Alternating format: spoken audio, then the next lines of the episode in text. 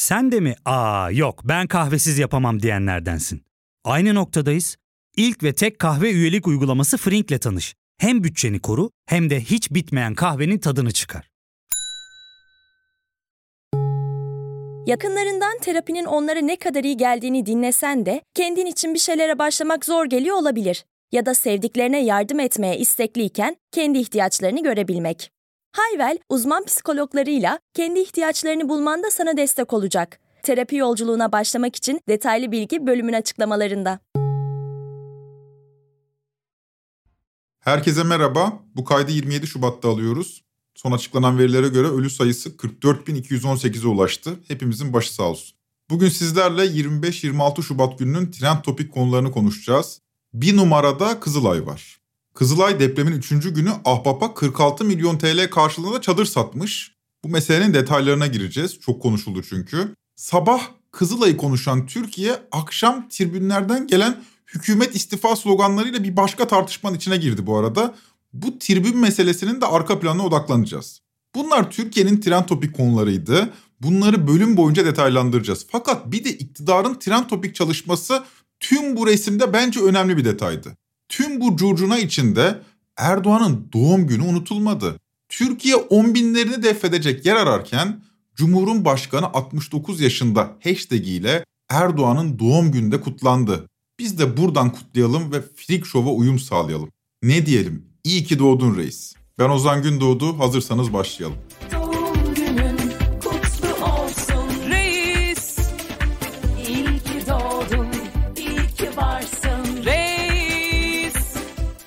İktidarın zihnindeki ideal vatandaşın kim olduğunu 25 ve 26 Şubat'ta anladık. Nasıl olmalıydı bir vatandaş? 10 binlerin can verdiği büyük bir felaketin ardından Erdoğan'ın doğum gününü kutlamalı, hükümete tek bir ses çıkarmamalıydı. Aman ha bir biçimde hükümete itiraz ederseniz bir tür milli güvenlik sorununa dönüşürsünüz. Moral bozmamalısınız, devletin ve milletin el ele verdiğini sürekli vurgulamalısınız, devletin arkasına dizilmelisiniz, iktidara omuz vermelisiniz. 25 Şubat günü de bu kriz ortamının rutini içinde kendi bir rutin yarattı burada. Bu rutin içinde ilerliyordu. Depremin 19. günü geride kalmış, gündelik hayat eskisi gibi işlemeye başlamıştı. Yeni bir normal ortaya çıkmıştı. Akşamda Fener'in maçı vardı. İlk maçlardı bunlar. Zaten gündelik rutinimizi bozan da o maç oldu. Henüz maç başlamamıştı ki Fener tribünlerinden bir ses yükseldi.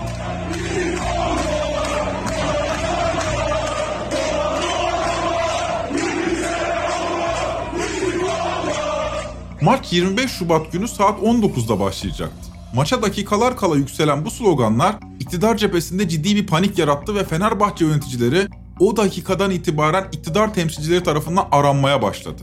Susturun şunları diye aranıyor. Ama susturmak öyle kolay olmadı tabii. Bu tribün işlerine daha aşina olan yakınlarımla konuştuğum kadarıyla kontrol altında bir tribün değil Fener tribün. Çok sayıda grup var. Yani bir tribün liderine kesin sesinizi deyince kesemiyorsunuz yani tribünün sesini. İşte futbol. Acılarımızı unutalım diye alelacele maçları oynatma kararı aldırıyorsunuz. Fakat tribünlere ne yapacağınızı şaşırıyorsunuz. Çok hayatın içinde bir spor. Halbuki ne bekliyorsunuz ki? İnsanların bir araya gelebildiği tek yer statlar olmuş. Üniversiteler falan bile kapalı. Ekşi sözlüğü de kapatmışsınız. E bir araya gelen insanlar da bir iki kez bağırsın istifa diye. Ne mahsuru var? İncileriniz mi dökülür? Ki taraftarlar takımları kötü gittiğinde yönetim istifa diye bağırırlar. Hatta yönetimlerine küfrederler. Ülkede pek iyiye gitmiyor. Hükümet istifa diye bağırmışlar. Ne var bunda? Küfür mü etmişler? Şiddet çağrısı mı yapmışlar? Altı üstü hükümet istifa demişler. En kibar haliyle göstermişler bir de üstelik tepkilerini. Ne yapsalardı? Cumhurun Başkanı 69 yaşında diye pankart açıp iyi ki doğdun Erdoğan diye şarkı mı söyleselerdi?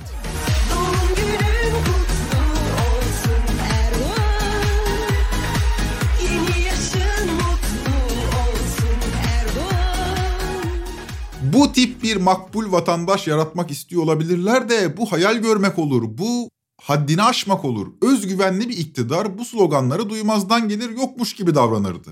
Fakat akıl almaz bir panik baş gösterdi iktidar cephesinde. Bunun birçok nedeni arasında başı çeken neden bana kalırsa iktidarın özgüvenini tümüyle kaybetmesidir. Ha bu özgüveni kaybetmekte haklı mıdır, haksız mıdır? Bunu bilemeyiz. Yani tribünlere hiç ses çıkarılmasa bu istifa sesleri dalga dalga yayılır mıydı bilemiyorum. Ama bildiğim bir şey var. İktidar öyle panik yaptı ki neredeyse tribünlere savaş açıldı.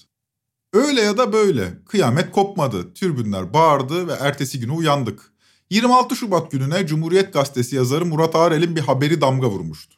Habere göre Kızılay depremin 3. gününde elindeki 2050 çadırı Ahbap Derneği'ne 46 milyon TL'ye satmıştı. İddia akıl alır gibi değildi. Şimdi böyle büyük iddiaları gördüğünüz zaman ilk aklınıza ya haber doğru mu acaba? Bu habere doğru muamelesi yapmak doğru mu acaba diye düşünüyorsunuz. On binler enkaz altındayken Kızılay nasıl olurdu da çadırları bölgeye ulaştırmak yerine Ahbap'a parayla satıyordu. Derken gün içinde Ahbap Derneği de yaptığı paylaşımla iddiayı doğruladı. Hemen ardından Kızılay Başkanı Kerem Kınık da Twitter'dan vaziyete ilişkin bir açıklama yayınladı. Kerem Kınık şöyle diyor.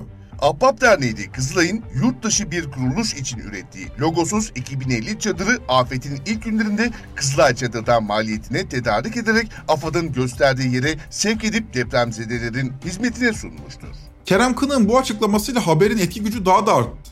Maliyetine sattık diyordu Kerem Kınık. Zaten hep satıyoruz çünkü biz bunun için yatırım şirketi de kurduk diyordu. AFAD da bu şirketten satın alıyor dedi mesela. Haber böylece iddia olmaktan çıktı ve bir hakikate büründü. Nasıl oluyordu da bütün memleketin büyük bir travma yaşadığı anlarda Kızılay çadırları bir STK'ya satıyordu. Sorun satması yani dağıtman gerekiyor sonuç itibariyle. Kızılay deposunda bekleyen çadırları bir an önce bölgeye ulaştırmak gerekirken neden ahbaba satılıyor? Soru bu. Neden bedelsiz verilmiyor? Soru bu. Ben mesela bölgeye giderken yanımda 10 tane çadır götürmek isteseydim bana da mı satılacaktı? Param yoksa bana çadır verilmeyecek miydi? Kerem Kınık'ın savunması da tam olarak Banker Bilo filmindeki o repliği hatırlatan cinstendi. İster vur ister öldür. Ama dinle. Sor bakalım. Niye yaptın diye sor. Sormam la. Her soruşumda kandırırsın beni. Peki la. Söyle bakalım. Niye yaptın? Kalbim her dakika seninleydi. Sattım ama sor bir neden sattım. Kızılay Başkanı'nın cevabı bu tip bir duygu durumu yarattı insanlarda. Yani bir açıklama yapıyorsunuz da açıklamanız kabahatinizden beter. Tabii bu meselenin bir de arka planı var. Kerem Kınık zaten hafızalarda yer etmiş bir isim. Yani bu zamana kadar Piru Paktı da 26 Şubat'ta tepki çekmeye başladı gibi bir durum söz konusu değil. Daha önce Kızılay'dan Ensar Vakfı'na gönderilen 8 milyon doları konuşmuştuk. 3 yıl önce 2020'nin ilk haftalarında Türkiye bu meseleyle çalkalanmıştı. Torunlar Holding'in sahibi ki Torunlar Holding'in sahibi Aziz Torun da Erdoğan'ın ilkokul arkadaşı ya da liseden arkadaşı. Torunlar Holding'in sahibi olduğu Başkent Gaz'dan Kızılay'a 8 milyon dolar bağışlanmış. Bu para Kızılay tarafından Ensar Vakfı'na yurt yapılması için aktarılmıştı. Şimdi tuhaf bir durum var. Kamuoyunun yine kafası karıştı. Başkent Gaz neden direkt Ensar'a göndermiyordu parayı? Kızılay çantacı mıydı? O dönemde de Kerem Kınık'ın şu ifadeleri çok konuşuldu. Kızılay'ın Ensar Vakfı'na yurt yapması yasal mıdır? Tabii yasaldır. Tamamen yasaldır. Bu bir şartlı bağıştır. Ee, sorulan sorulardan bir tanesi vergi mi kaçırıyor? Kanunu mu dolanıyor Evet. meselesi. Şimdi vergi kaçırmak başkadır. Vergiden kaçınmak başkadır. Nedir farkı? Farkı şudur. Devlet size yasal olarak bir imtiyaz vermiş. Diyor ki Türkiye Cumhuriyeti'nde diyor kamunun yapması gereken hizmetlerden bir tanesine destek olacak bir yatırım yapıyorsanız mesela bir eğitim kurumu yapıyorsanız veya bir sağlık kurumu yapıyorsanız ve bunu benim şartlarımda yapıyorsanız diyor devlet bana vergi vermek yerine bu yardımı yapan kuruluşlar üzerinden veya doğrudan siz bu yatırımı yapabilirsiniz. O dönemde de Kerem Kınık istifaya çağrılmış, büyük tepki yükselmişti. Daha sonra anlaşıldı ki Kızılay'a gelen bağışlar Kerem Kınık döneminde neredeyse katlanmıştı. Ne katlanması? Arşa değmişti. Kerem Kınık Kızılay'ın başına 2016'da atanıyor arkadaşlar. 2013, 2014 ve 2015'te Kızılay'a toplamda 214 milyon lira bağış yapılmış. Kerem Kınık başkan olduktan sonra bu bağışlar nasıl değişmiş? Yine sayılarla konuşalım. Kerem Kınık'ın başkan olduğu 2016'dan itibaren 2017 ve 2018'de toplanan bağış tutarı 6.9 milyar TL'ye yükselmiş. Yani Kerem Kınık döneminde ilk 3 yılda toplanan bağış 32 katına çıkmış önceki 3 yıla göre. Bu bağışların hemen hepsi Kerem Kınık'ın ifade ettiği şartlı bağışlardan oluşuyor bu arada. Yani ben sana veriyorum sen de Ensar'a ver biçimindeki yardımlar bunlar. Böylece Kızılay'ın bir tür bağış havuzuna dönüştürüldüğü, bu bağışların iktidara yakın STK'lara dağıtıldığı 3 yıl önce zaten teşhir olmuştu. Yani bu bilmediğimiz bir hadise değildi de belki unuttuğumuz, belki topluma yaymadığımız bir hadiseydi. Aradan zaman geçti. Bu hadiseyi büyük ölçüde unuttuk ama Kızılay Başkanı'nın olumsuz imajı zihnimizden gitmedi. Depremden sonra aynı tezgahın devam ettiğini öğrendik. Murat Arel'in Halk TV'deki ifadelerine kulak verelim. Mesela biz Kızılay'a ne yardım yapıyoruz en, en fazla? Giyecek, gıda yardımı yapıyoruz değil mi? Ben bunu sahada tezahürünü de gördüm. Sahada birçok dernek, vakıf, e, orada insani yardım için bulunan kuruluşlar yardımlarını Kızılay'dan alıyormuş. Yani biz Kızılay'a verdiğimiz yardımı o da başka dernek ve vakıflara dağıtıyormuş. İnsani yardım vakıflarına. Bunu biliyordum.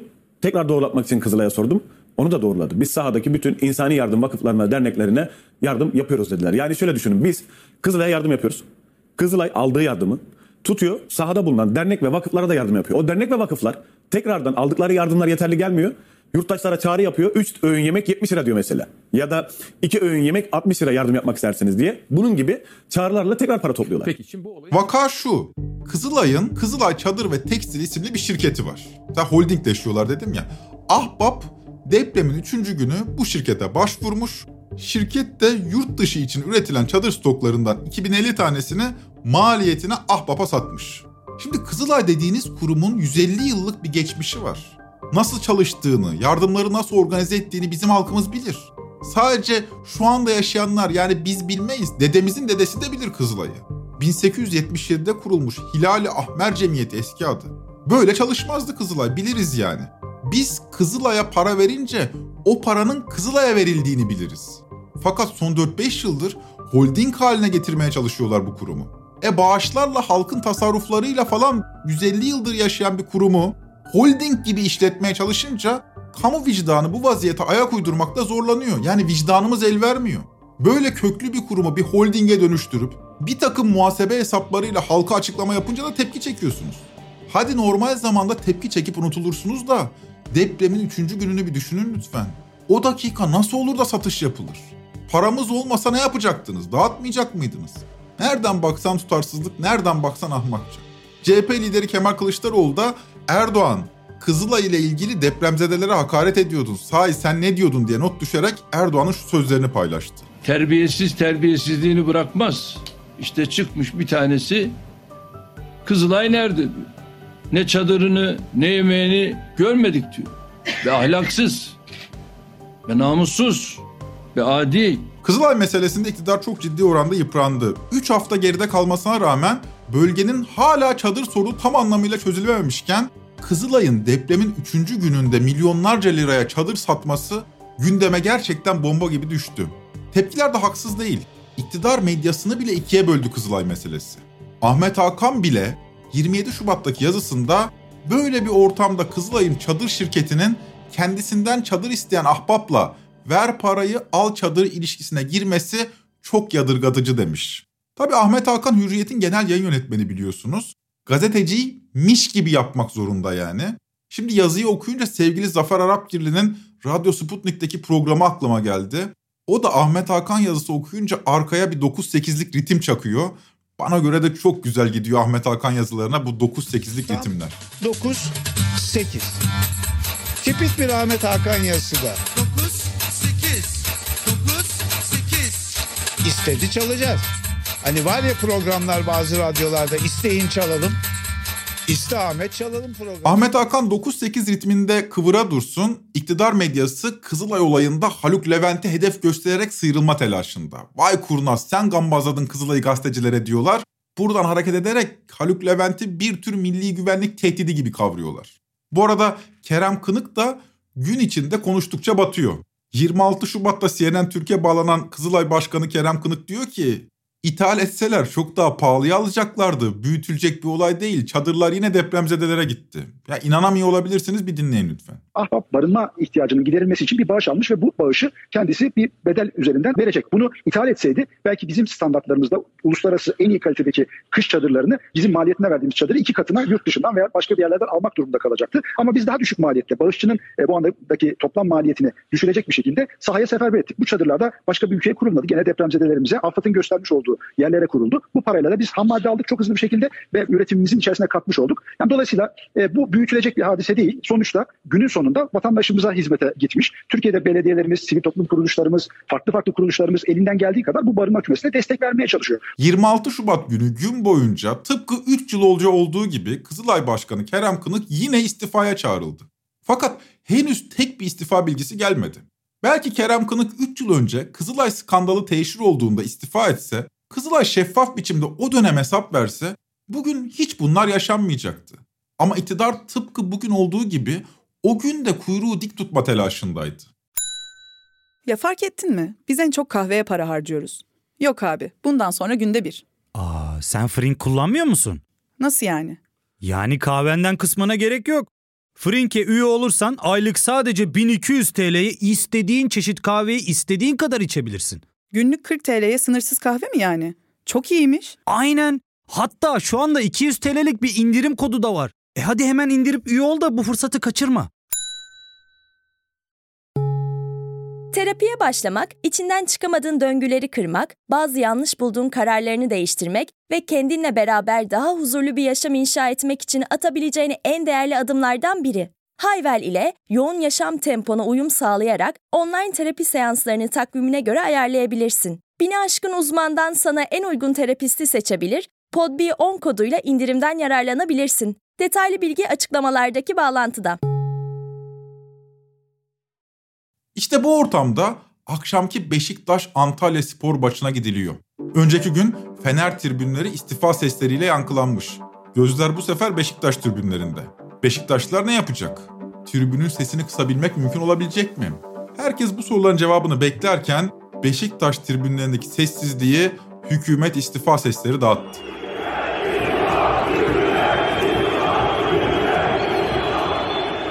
Ve ortalığı buz kesti. Belli ki Fener tribününden ibaret değil. Polis bir taraftarı gözaltına alıyor, tepki daha da büyüyor. Bu esnada hükümet istifa diyenlere bağıran bir taraftar tribünlerden kovuluyor. Bu curcuna futbolcuların sahaya gelmesiyle birlikte dağılıyor ve maç başlıyor. Maçın başladığı ilk dakikalardayız. Dakikalar 4.17'yi gösterdiğinde Beşiktaş taraftarı maça müdahale oluyor. Şu an dinlediğiniz içeriğin sadece sesli olmasına ilk kez üzüldüm. Ama görüntüleri mutlaka izleyin. Beşiktaş taraftarı yanlarında getirdikleri peluş oyuncakları elden ele taşıyıp bir yağmur gibi sahaya attılar ve bu esnada çocuklar inanın inanın çocuklar güzel günler göreceğiz güneşli günler diye hep bir ağızdan bağırdılar.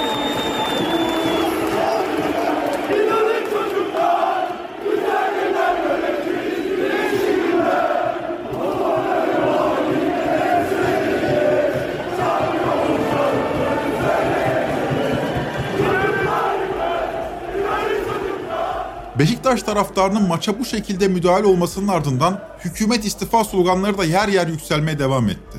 Derken gündeme bomba gibi düşen bir açıklama MHP lideri Devlet Bahçeli'den geldi. Bahçeli maç devam ederken Twitter hesabından şunları paylaştı. Bütün kulüp başkanlarının müsabakaların ya seyircisiz ya da gerekli tedbirlerin alınarak oynanması hususunda acil ve gerekli adımları atmaları kaçınılmaz görevleridir. Milliyetçi Hareket Partisi konunun takipçisidir. Altı üstü iki maçta hükümet istifa diye bağırılmış. Ne var ya bunda? Fakat dediğim gibi özgüvenini tümüyle yitiren iktidar için bu bile çok fazla. Düşünün alt tarafı iki maçta hükümet istifa diye bağırılmış. Bahçeli maçları seyircisiz oynatmaktan bahsediyor. Ya bu olacak iş mi? Hal böyle olunca üniversiteleri de mi aynı nedenle kapattılar fikri oluştu insanlarda ki bu fikir de haklı bir fikir. Tıpkı Fener maçında olduğu gibi Beşiktaş maçında da iktidar yetkilileri Beşiktaş yöneticilerini arayıp susturun şunları dediler. Depremden bu yana tam bir firik şova tanıklık ettiğimizi burada söyledim durdum. Ama bu kadarını ben bile beklemiyordum. Ne oldu biliyor musunuz? Hem Beşiktaş hem de Fenerbahçe maçlarının ardından statta MHP'lilerin politik bir marşına dönüşen Ölürüm Türkiye'm şarkısını çaldılar. Ya ne alakası var? 45 bin kişi ölmüş. Ölürüm Türkiye'm şarkısının nasıl bir bağlamı var?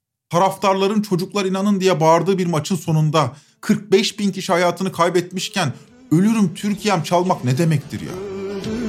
Türkiye'm ölürüm Türkiye'm hey ölmeyelim mi falan diyenler olacaktır ya. Freak show diyorum ya. Gören gözlere bir şey sunmaya gerek yok diyorum ya. Tam işte böyle bir durum. Durumun tuhaflığını farkına varamayacak kadar şaşkın durumdalar. Sosyal çevreyi anlamakta zorlanıyorlar. İnsani duygularını kaybedip iktidar telaşına düşünce insani duyguları yoğun yaşayan insanları anlayamıyorlar. Ya ölürüm Türkiye'm ne? MHP'nin gönlünü almaya çalışıyorsunuz anladık da 45 bin kişinin öldüğü bir felaketin ardından yapılan ilk maçta ölürüm Türkiye'mden başka şarkı bulamadınız mı? Ben konuşmayayım bir Beşiktaş taraftarı Twitch yayınında hislerini paylaşmış onu dinleyelim. Yani yüz binlerce insanın öldüğü bir faciadan sonra statta bangır bangır ölürüm Türkiye'm müziği çalıyorsunuz. Yani bu kadarını bile akıl edemeyecek kadar geri zekalı iletişimci kimse mutlaka beni bir arasın yarın. Hangi geri zekalıysa selam kardeş ben o geri zekalıyım diye beni lütfen bir çaldırabilir mi? Ya sizin hiç aklınız fikriniz kalmadı mı? Sizin beyniniz tamamen işgal ettiğiniz koltuklarınızda ya da işgal etmeyi düşündüğünüz koltuklarınızda mı? Ya da siz çok büyük bir kara mizah ekibi misiniz? Ölürüm Türkiye'm ne demek arkadaşlar? Bu arada asıl bombaya daha gelmedik. Maç bitti. Hükümet istifa sesleri tribüne damga vurdu ve akşam saatlerinde MHP'nin medya ve iletişimden sorumlu genel başkan yardımcısı İsmail Özdemir, Devlet Bahçeli'nin Beşiktaş üyeliğinden istifa ettiğini açıkladı. Çok acayip değil mi? Manşetlik haber. İlk istifa. Devlet Bahçeli Beşiktaş'tan istifa ediyor. Evet taraftarlar hükümet istifa diye bağırdığı için Bahçeli Beşiktaş'tan istifa ediyor. Çok tuhaf. Peki hangi gerekçeyle? Açıklamada şöyle deniyor. Kahramanmaraş merkezli meydana gelen depremler nedeniyle 44 bini aşkın vatandaşımızın şehit olduğu afet sonrasında futbol maçlarını izleme bahanesiyle tribünleri tahrik eden bazı eylemler şehitlerimize ve milletimize büyük bir saygısızlık olmuştur. Bugün oynanan Beşiktaş Antalya Spor müsabakasında da deprem şehitlerimize yapılan sistematik saygısızlık Beşiktaş'a ve Beşiktaş'ın taşıdığı milli ve manevi değerlere yakışmamıştır. Sayın Genel Başkanımız Beşiktaş Jimnastik Kulübü üyeliğinden bugün itibariyle ayrılmıştır. Şimdi bu açıklamada dilin kendisi göze çarpıyor, dilin kendisi. Hükümet istifa diye bağırmak neden ve nasıl depremde hayatını kaybeden insanlara saygısızlık oluyor? Nasıl bir bağlam var yani? Hükümeti istifaya çağırmakla depremzedelere saygısızlık arasında nasıl bir ilinti var? Bu arada hayatını kaybeden insanlar da şehit kabilinden değerlendirilerek mesele boyut atlıyor ve şehitlerimize saygısızlık seviyesine taşınıyor. Yani bir milli güvenlik meselesine dönüşüyor olay. Ya alt tarafı hükümet istifa denmiş ya. Hükümet istifa diye bağıranlar da bilinçli olarak oraya dikilen siyasi bir komplonun aktörleri olarak tanıtılıyor iktidar tabanına. Oo bayağı büyüdü iş yani. Bahçeli pozisyon alır da tabii Süleyman Soylu boş durur ama Süleyman Soylu da meseleye müdahale oluyor ta deprem bölgesinden. Son derece üst perdeden tehdit ediyor İçişleri Bakanı Soylu. Bizim mesaimizi bölmesinler. Biz mesaimizi de böleriz. Ama mesaimizi bölmesinler, mesaimizi bölerlerse bu milletin karşı karşıya kaldığı süreçte, altını çizerek söylüyorum, bu milletin karşı karşıya kaldığı süreçte bu millet haksızlık ederler. Biz o haksızlığın yapılmasını istemiyoruz. Ama mesaimizi bölmek isterlerse rahat böleriz. Odri meydan. Türkiye'nin güvenliğiyle ilgili hiç kimse bilek güreşine girmesin. Tavsiyem odur. Bilek güreşine girmeyin tavsiyemiz odur diyor. Şimdi bu açıklamaların uzun halini Twitter'dan da paylaşmış. Spor alanlarını siyaset meydanına çevirmek isteyenler diye seslendiği insanlara mesaimizi bölmesinler demiş. Yani buradan kalkar gelirsek canınızı okuruz demeye çalışıyor. Ya bu siyaset bile değil. Tribünler takım kötü giderken yönetim istifa diye bağırır. Ülke kötüye giderken hükümet istifa diye de bağırır. Çok daha politik eylemler gördü Türkiye'nin tribünleri. Bu ülke şu anda iyi bir durumda mı? Çok güzel gidiyoruz harikulade diyen biri mi var acaba? Yani iktidar tabanı bile böyle düşünmüyor ya. Onlar da vaziyeti farkında. Hep bu CHP'liler yüzünden falan diyorlar. Yani onlar da ülke kötü de sorumlu bizim Erdoğan değil diyorlar. Şimdi hal böyleyken niye hükümet istifa diye bağırmak bir milli güvenlik krizine dönüşüyor? Tabii çelişkilerle dolu bir politik değil bu. Bu olayda teşhir oluyor bu politik değil. Tribünlerde siyasete bu kadar karşıydınız madem diye soruyor insanlar haklı olarak. O zaman 5 yıl önce böyle işlere girişmeyecektiniz. Hatırladınız mı? Güçlü ve büyük Türkiye için evet dedirtilen futbolcuları. Vatanımız, ülkemiz çok zorlu bir süreçten geçiyor. Adeta bir istiklal savaşı. Güçlü bir Türkiye istiyoruz. Güçlü bir Türkiye için evet ben de varım. Sevgili Arda, sen de var mısın? Rıdvan hocam çağrını aldım. Güçlü bir Türkiye için ben de varım. Burak Yılmaz sen de var mısın kardeşim? Arda kardeşim çağrını aldım. Güçlü bir Türkiye için ben de varım. Murat Boz kardeşim sen de var mısın? Burak selam çağrını aldım. Güçlü bir Türkiye için ben de varım. Abdülkadir sen de var mısın? Futbolculara büyük ve güçlü Türkiye için ben de varım dedirtip sonra tribünlerde siyaset olmasın demek tuhaf tabii. Hadi burada tribünlere siyaset bulaşmadı. Futbolcuların kendi tavrı diyelim ki bunlar. Ya yıllardır Ahmet Spor'la yapılan maçlarda türlü türlü olaylar çıkıyor. Ahmet Spor taraftarlarına terörist muamelesi yapılıyor. Maçlar şehitler ölmez vatan bölünmez sloganlarıyla başlıyor, tekbirlerle bitiriliyor. Tek bir iktidar temsilcisi Ahmet Spor maçlarına ilişkin siyaset bulaştırmayın tribünlere demiş mi? Depremin ilk günlerine siyaset yasağı getirerek tepkileri susturmaya çalıştı iktidar.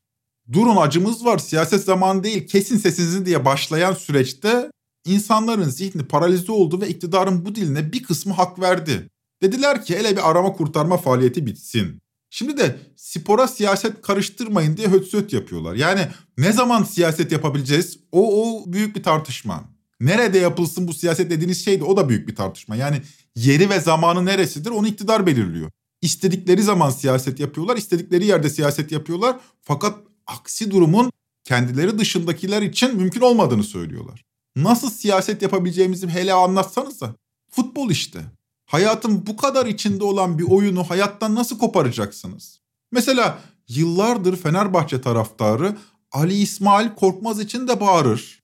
Bu da mı siyaset? Susturun susturabiliyorsanız işte.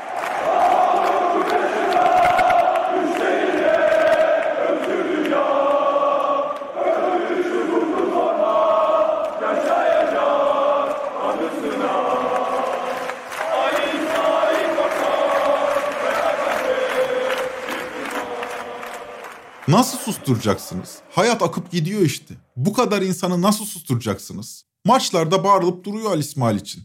Nasıl susturacaksınız? Ya da mesela Gülşen'in tutuklandığı gün tribünlere gidelim.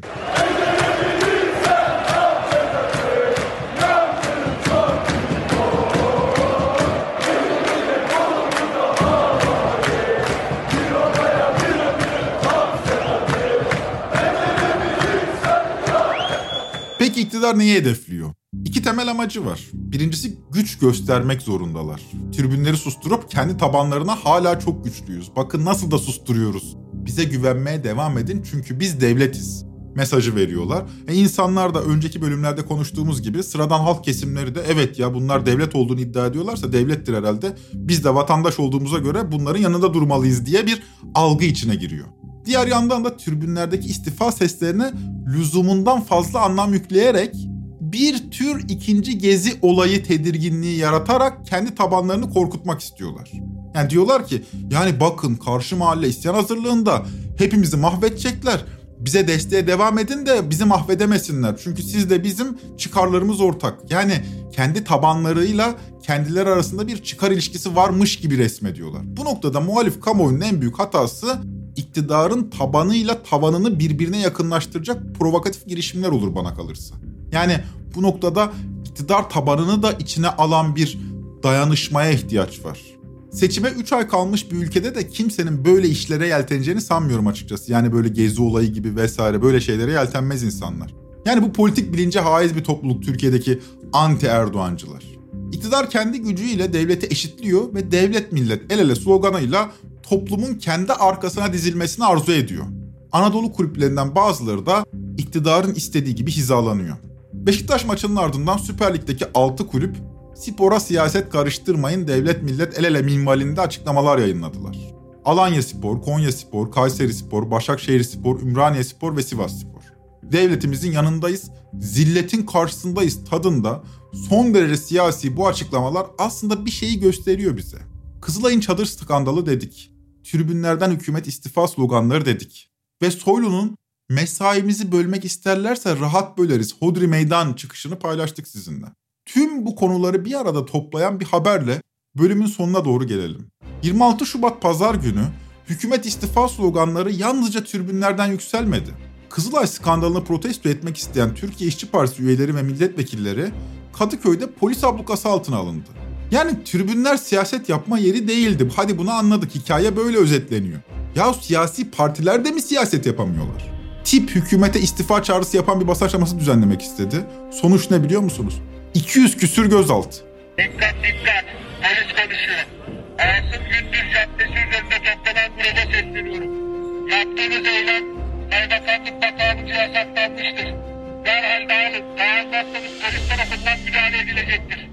İşte birinci ikazımız. Bitti mi? Bu kadar polis Antakya'da yok arkadaşlar. 50 bin kişinin öldüğü depremde bu kadar polis yok. Biz bu dayanışmayla bile devam edeceğiz. Bu enkazın altından kalkamayacak hükümet. Tüm bunlar yaşanırken yani iktidarın siyaset yasağına karşı Kılıçdaroğlu siyasi açıklamalarıyla direniyor. Fakat adaylık tartışması da kaldığı yerden devam ediyor.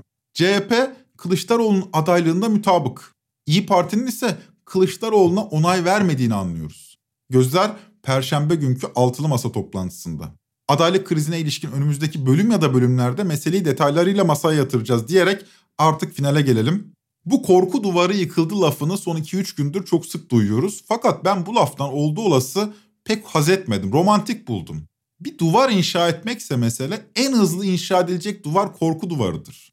Bir duvar yıkılır bir başka duvar örülür. Yani korku duvarının yıkılması öyle çok büyük bir şey değildir. Ama atladığımız bir şey var. Çok büyük bir travmayı yaşarken, üzülürken, ağlarken, iktidar sahiplerinden korkmaya utandığımız günlerden geçiyoruz. Evet, korkmaya utanıyoruz. Evet bizi korkutmak istiyorlar ama biz o duygumuzu, o insani duygumuzu hissederken utanıyoruz. Ya korkacak zaman mı diyoruz? Yakında geçer, utanmadan korkarız ama bugünlerde korkmayı yakıştıramıyoruz kendimize. O yüzden az şey değil bunca tehdide rağmen istifa diye bağırabilmek.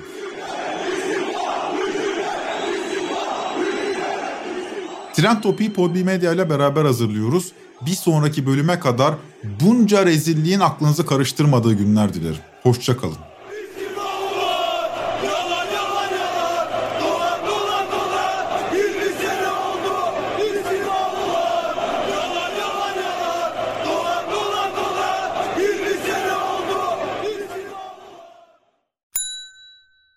Ve tek kahve üyelik uygulaması Frink, 46 ildeki 500'den fazla noktada seni bekliyor. Açıklamadaki kodu girerek sana özel 200 TL'lik indirimden faydalanmayı unutma. Hadi sen de Frink üyeliğini başlat, kahven hiç bitmesin. Hem bugününe hem yarınına katacaklarıyla terapi yolculuğuna ve daha iyi hissetmeye bugün Hayvel ile başla. Açıklamadaki linkten Hayvel'i indir, ücretsiz tanışma görüşmelerinin ardından bütçene uygun seans paketini seç ve terapi yolculuğuna başla.